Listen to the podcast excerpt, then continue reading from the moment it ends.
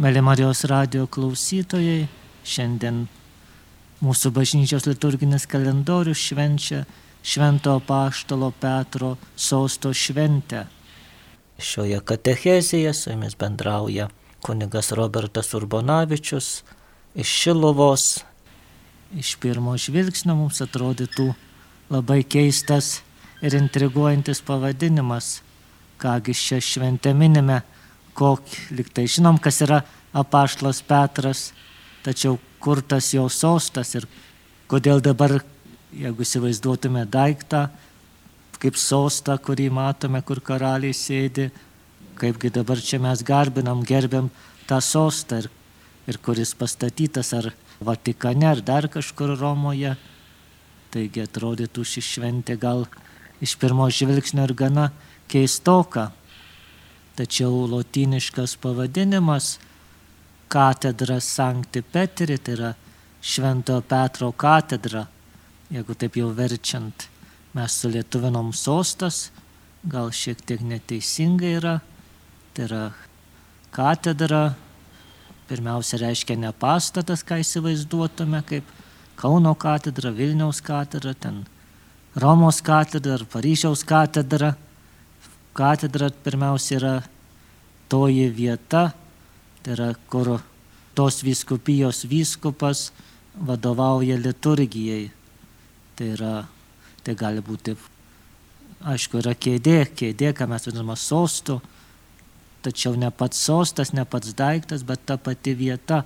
Tai yra tos vietovės vyskupas, turi savo priklausančią bažnyčią, kurioje švenčia liturgiją ir, ir apie jį susibūrė visa Dievo tauta. Štai mūsų viskupijos, Kauno arkiviskupijos katedra, vyskupo sostas yra Švento Petro ir Pauliaus bazilikoje Kaune. Kiekvienas savo viskupijoje, kuri klausote dabar Marijos radio klausytojai irgi. Telšiuose yra vyskupo katedra, Vilniuje vyskupo katedra, Taigi visur, kur tik yra vyskupas, tos viskupijos valdytojas, ten yra kažkuri bažnyčia, kuris skirta kaip jo tos dvasinės valdžios vieta. Tai yra katedra, yra vyskupo valdžios simbolis. Jis yra tos viskupijos ganytojas, iš katedros, iš tos vietos jisai mus moko, mums vadovauja ir mus veda.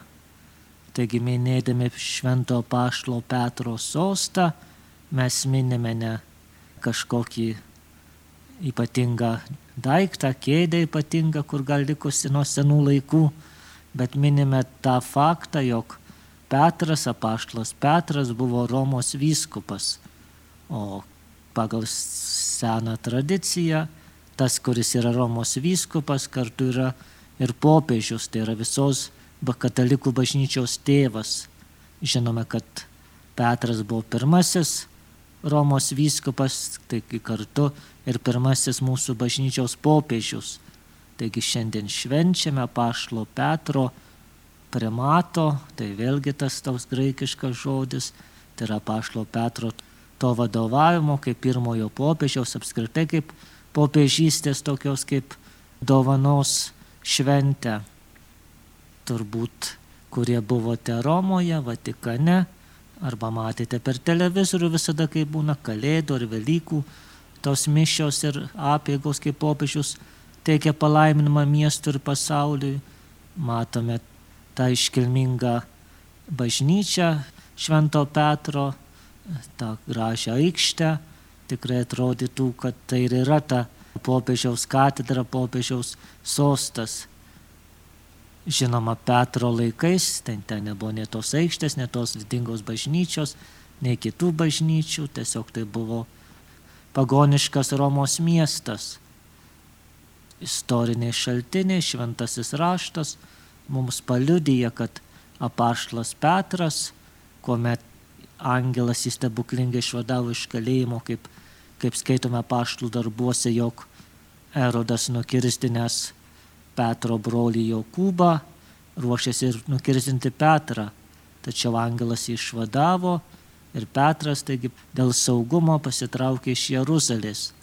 Manoma, kad jis nukeliavo į Antiochijos bažnyčią, Taigi buvo Antijochijos vyskupas, Antijochija buvo pirma krikščionių pagonių bendruomenė. 49 metais jisai grįžta į Jeruzalę į pirmąjį Jeruzalės visuotinį susirinkimą. Tai yra, kuomet apaštlai susirinko apsvarstyti, kaip toliau turi judėti jų viešpatės įkurta bažnyčia jiem patikėta. Po šio susirinkimo Naujasis testamentas nepateikė tokių didesnių konkrečių detalių apie paštlo Petrą. Tačiau iš apaštlo Petro laiškų ir iš apaštlo Petro bendradarbių liūdimų galime atsekti, kad Petras nukeliavo į to meto pasaulio centrą, tai yra Romos miestą. Kadangi Roma buvo viso pasaulio centras tuo metu, pati didžiausia imperija, tad aišku Petras, šventosios dvasios paragintas, keliavo į sostinę. Ten jisai jau rado krikščionių bendruomenę ir tapo jos pirmojų ganytojų, tai yra vyskupu ir, sakytume, pirmojų popiežiumi. Čia paštas Petras, kaip žinome, patyrė kankinystę apie 64 arba 68 metus, kuomet kaip žinom iš istorijos, imperatorius Neronas sukėlęs Romos gaisrą apkaltino to krikščionis ir prasidėjo pirmasis didysis krikščionių persikiojimas. Yra ir sukurta daug gražių filmų apie tai, kaip krikščionys buvo kankinami.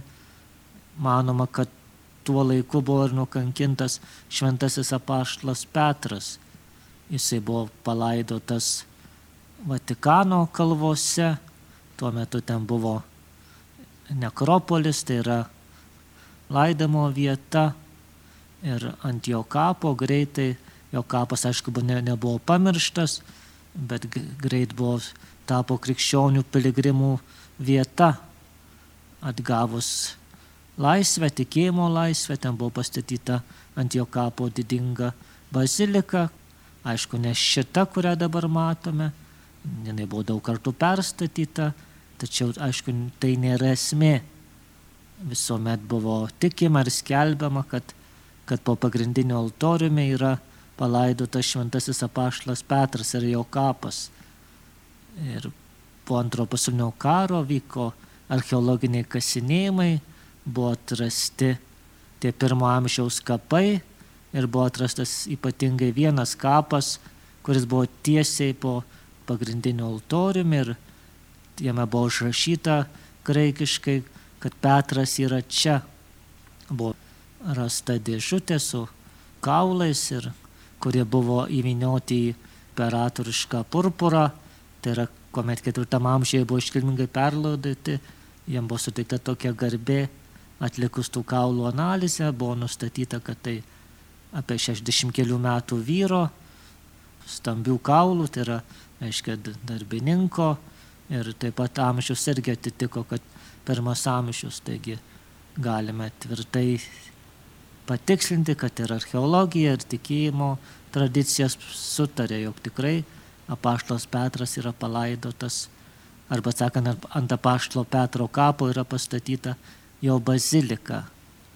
Taigi, švesdami apaštlo Petro sosto šventę, kuri yra labai sena, tai yra iš ketvirto amžiaus, kuomet krikščionis atgavo laisvę, jie pradėjo minėti tą dieną, kuomet, sakytume, ne, ne tiksliai tą dieną, bet tą įvykį, kuomet apaštlas Petras tapo jų pirmojų vyskopų kaip Romos bažnyčios ir aišku pirmojų popiežiumi. Iš pradžių būtų netgi dviejų tų švenčių. Pirma buvo švenčiama sausio 18 dieną, antroji vasario 22 dieną. Tiesiog jos buvo švenčiamos skirtingose bažnyčiose. Todėl gavosi tarsi dvi šventės. Bet galiausiai išliko toji viena pagrindinė, tai yra vasario 22 diena, kuomet krikščionys pagerbė Švento Paštlo Petro tą jam suteiktą valdžią, kad viešpat sakė, tu esi Petras, uola, ant tos sološus aš pastatysiu savo bažnyčią ir pragaro vartai jos nenugalės, tau duosiu dangaus karalystės raktus. kaip prisikėlęs viešpats irgi Petrus sakė, ganyk mano avis, ganyk mano avinėlius, ganyk mano aveles, tai yra jam patikėjo savo mokinius. Taigi Petras yra visų Jėzaus mokinių, sakytume, per vyskupas. Jeigu atskiri vyskupai yra skiriami atskirom bendruomenėm, pavyzdžiui, Kauno, Vilniaus, Panevežio ar dar visų miestų kitų, taigi Petras, Petro įpėdiniai yra tarsi visų pakrikštų katalikų vyskupai, tai yra popiežius yra vis, visų mūsų vyskupas ir, ir mūsų dvasinis, sakytume, vadovas. Todėl šią dieną ypatingai dera melstis už popiežių, kaip mūsų bažnyčios vienybės išraiška ir ženkla, kaip ta, kuris veda Kristaus bažnyčią. Taigi, žinoma, visais laikais turbūt, ne tik dabar taip, bet ir visais laikais buvo tų, kurie vieną ar kitą popiežių labai mėgsta, labai myli, labai liaupsina, arba o kiti priešingai ten jo nekenčia, baisiausiai ieško visokiausių klaidų. To buvo turbūt ir visada tai bus. Tačiau reikia atskirti, sakytume, popiežių kaip asmenį, tai yra konkretų asmenį, nuo popiežiaus kaip tarnystės. Pati popiežystė, popiežystės dovana yra šventa ir neliečiama, jos norėjo viešpas, tai yra tas Petro primatas, Petro tarnystė yra įsteigta paties viešpaties. Todėl, sakytume, eiti prieš popiežystę yra tikrai didelė nuodėmė. Tačiau asmuo, kuris yra popiežius, jis yra ir, ir silpnas, ir klystantis, ir, ir skirtingo charakterio, skirtingi popiežiai buvo ir yra, ir skirtingų vizijų, sakytume, kaip, kaip turi būti kokia bažnyčia, tai, tikrai normalu, kad vieni juos mėgsta, kiti jų nemėgsta, kaip popiežius Pranciškus dabartinis ypatingai visada sako, melskis už mane, aš, nes aš esu nusidėjėlis. Tai yra silpnas žmogus, kuriam patikėta didelė tarnystė ir tikrai pirmiausia turime melstis už popiežių visada, ne tik per šventes, ne tik per šią pašlo Petro šventę, bet kiekvieną dieną skirti savo maldų dalį už popiežių, kad jis tikrai jam vadovautų šventoji dvasia, kad jis šitoj tarnystėje tikrai išliktų tvirtas ir, ir ištikimas bažnyčios mokymui.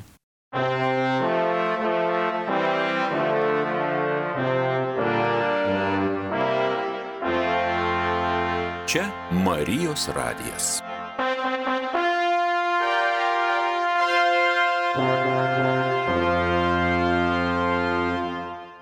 O to žmogiškos silpnybės, žmogiško charakterio trūkumai, kiekvienas jų turime ir tikrai nebus tokio idealaus ir švento popiežiaus. Nes ir pats apaštlas Petras, kaip žinote, buvo pasirinktas popiežiumi ne dėl to, kad buvo idealus ir tobulas, bet dėl to, kad mylėjo Jėzų. Jisai net jokie kiti paštalai, sakytume, taip nepasielgė kaip Petras. Jisai net tris kartus viešai išsigynė Jėzaus. Tai sakytume, tris kart išsižadėjo, išdavė jį. Judas tą padarė vieną kartą ir tikrai turbūt ne, nesigyrė visiems, o Petras prižadėjęs mokinių akivaizdoje, kad Jėzau, aš tavęs neišsiginsiu, vėliau viešai pakartojo kitiem matam, kad aš jo nepažįstu. Tačiau, žinoma, Petrą gailėjusis, žinome, kad Petras viešpačiui prisikėlus išpažino tris kartį mylintis, taigi tai rodo pavyzdys, jog viešpats įsirenka netobuliausius, negeriausius, nešauniausius, bet tuos, kurie jį myli ir kurie nebijo būti silpni, tam, kad atjaustų ir kitų silpnumą. Bažnyčios istorijoje jau buvo apie 266 popiežius, taigi buvo tarp jų visokių buvo ir šventųjų, kurie yra kanonizuoti, tačiau buvo daugybė popiežių, kurie buvo tikrai netikę popiežiai, tai žinom ir iš istorijos, kad jie buvo daugiau kaip karaliai, rūpinosi pasaulio reikalais, rūpinosi kariuomenė, rūpinosi visokiausiais kitais dalykais, ar, ar buvo moraliai sugedę, tai nėra paslaptis. Tačiau bažnyčia nesugriuvo, nes jinai pastatyta ant Jėzaus Kristaus ir ant Petro tikėjimo išpažinimo. Tad turime džiaugtis, turime dėkoti Dievui, kad tikrai jokios audros nenugali Kristaus bažnyčios. Kad nepaisant ganytojų trūkumų, nepaisant viso to, kas atrodytų jau papiktina visą bažnyčią, kad atrodytų čia viskas pasaulio pabaiga, kaip dabar dažnai sakoma, kad jau bažnyčia sugedusi, kad viešpats vis tiek jai vadovauja ir vis tiek viską išveda į gerą. Tad šiandien tikrai pasimelskime už popiežių pranciškų, prašydami, kad tikrai viešpats vadovautų jam šventąją dvasę šioje kelionėje kartu.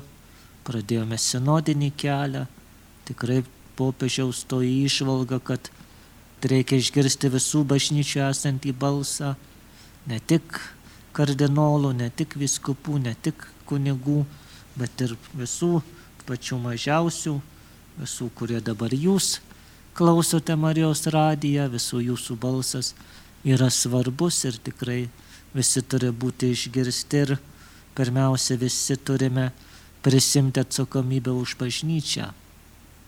Bažnyčia buvo patikėta Petrui, tačiau bažnyčia nėra vien Petras. Kiekvienas bažnyčioje turime atlikti savitą užduotį.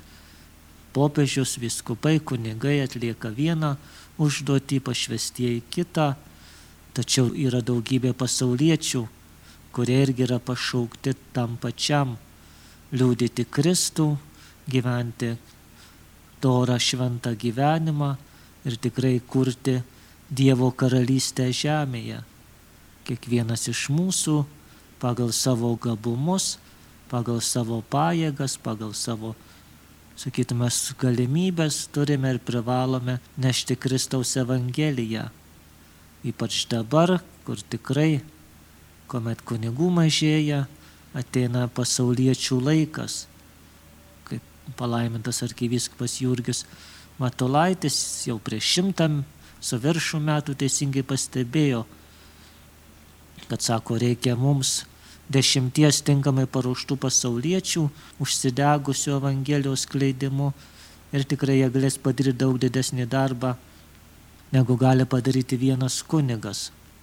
Nes kunigas ne visur gali eiti, ypatingai dabar, šiais laikais jau tikrai, kai ir pačių kunigų mažai, ir kai tikrai daug kur kunigas nebepageidaujamas, pasaulietis, tikintis, krikščionis, vyras, moteris, gali eiti visur ir į darbovietės, ir į, į prekybos centrus, į kultūros namus, į, į visur, į barus, visur ten, kur yra žmonės, į ligoninės, visur, kur reikia nešti Kristų, yra mūsų padėtis tą daryti.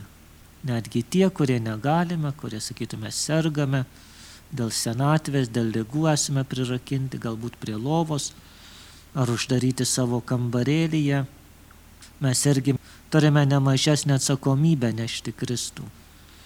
Ne kojomis, ne, ne savo galbūt rankomis, bet savo nuoširdžia malda ir auka.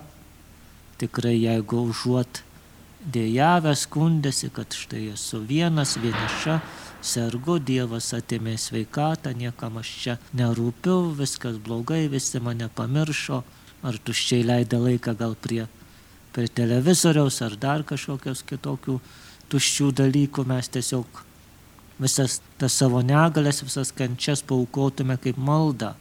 Tai yra vienatume su Kristaus kančia, su Kristaus auka ant kryžiaus, mes taptume patys geriausi paštalai nes pirmiausia reikia maldos, o tik paskui eina darbai. Jeigu nėra tų, kurie meldžiasi, jeigu nėra tų, kurie aukojasi, tuomet nėra tų, kurie skelbia Evangeliją, nėra tų, kurie ir kovoja dėl Kristaus ar lieja jau savo kraują. Tikrai turime daug melstis, ypatingai tie, kurie tikrai tą gali padaryti dėl tingumo ar aplaidumo, jeigu to nesima tikrai, sakytume, nusideda, nes galėtų savo laiką, savo tas kančias paukoti viešpačiu ir tai būtų pati gražiausia auka ir nuopelnas jiems patiems. Taigi tikrai, kurie dabar klausote, kurie galbūt esate panašioje situacijoje, tikrai ir drąsinu, tikrai raginu tą daryti. Aukokime viską viešpačiai, aukokime savo vargus, aukokime savo negalės. Tikrai viešpats išgirsta visas maldas. Aukokime ją už popiežių, prašydami jam šventosios dvasios dovanų, už bažnyčią, už vyskupus, už savo viskupijos vyskupą, už parapijos kleboną, už kitus kunigus. Tikrai melskime, kad būtų daug Evangelijos skelbėjų. Ir tikrai gal čia žemėje nepamatysime tų savo maldų aukų vaisių, tačiau kai nueisime į amžinybę, kai stosime viešpaties akivaizdon, tikrai išvysime, kiek dėl mūsų aukų kiek dėl mūsų maldų buvo daug išmelsta, galbūt pašaukimai, galbūt buvo sugražinti nuklydę nusidėjėliai, galbūt buvo uždegti atšalusieji, gal prisidėjome prie to didelio nematomo viešpatės plano. Tikrai, kaip popiežius Pranciškus sako, bažnyčioje yra reikalingas kiekvienas ir bažnyčioje kiekvienas yra svarbus. Tad tikrai nebijokime priimti tą savo atsakomybę, nebijokime tikrai būti naudingi bažnyčios vaikai savo darbais, savo maldomis, savo aukomis, savo nuoširdžią tarnystę. Tikrai dėkojime viešpačiui už apaštalą Petrą, kad viešpats išsirinko, melskime už jo įpėdinius, už mūsų popiežių pranciškų, kad viešpats įsaugotų ir globotų savo garbę ir šloviai. Melskime šią dieną taip pat ir už mūsų mylimą popiežių emeritą Benediktą XVI, kuris atsitraukęs nuo viešos tarnystės, išlieka toje maldos tarnystėje, kaip sakė pats. Sako, aš nepasitraukiu iš bažnyčios aptvaro. Tai yra aš tą savo petriškąją tarnystę vykdau kontemplatyviu būdu. Tai yra maldos pagalba Sekime ir mes popiežiaus Benedikto pavyzdžių, tikrai pirmiausia savo maldą, savo auką paremkime bažnyčios misiją. Prašykime ypatingai šiandien naujų pašaukimų, meliskime, kad viešpats saugotų mūsų bažnyčią. Tikrai yra, jo, jo yra daug negerovių, kurios dabar išlenda, ar tai būtų tie lytiškumo piknaudžiavimo skandalai, ar piknaudžiavimo gale skandalai, ar klerikalizmas, ar supasaulėjimas, ar dažnai tas gal ir neištikimybė tam bažnyčios mokymui, pačių bažnyčios narių, tačiau taip pat yra ir daugybė gražių dalykų. Ir toliau vyksta Evangelijos skleidimas, ir toliau sielos atsigrėžia į Kristų, tik jie galbūt nėra matomi. Taigi šiandien nepamirškime dėkoti, nepamirškime šlovinti viešpati už jo tarnystę ir tikrai kartu su apaštlu Petru kartokime, kad viešpatė tu viską žinai, tu žinai, kad aš tave myliu, kad viešpatė noriu tave sekti ten, kur tu mane vesi, noriu tau tarnauti tokioje padėtyje, kokioje esu. Ar esu kunigas, ar vienuolis, ar ar darbuotojas, ar vaikų motina, ar galbūt senolis, senolė, arba sunkus ligonis, nepasikeliantis iš patalo. Tikrai aš noriu tau viešpatė tarnauti ir noriu visomis jėgomis prisidėti prie tavo karalystės paplitimo jau čia žemėje, kad nusipelnyčiau malonę regėti tave danguje. Amen. Šioje katechezėje su jumis bendrauja kunigas Robertas Urbonavičius. Taigi, mėly klausytojai, dėkojame, sveikinam su brangia švente, tikrai šią dieną galite pelnyti visuotinius atlaidus, nuėję savo viskupijos bažnyčią, jeigu tikrai yra galimybė, pasimeldę popiežiaus intenciją, tikrai pelnysite jo atlaidus. Ačiū.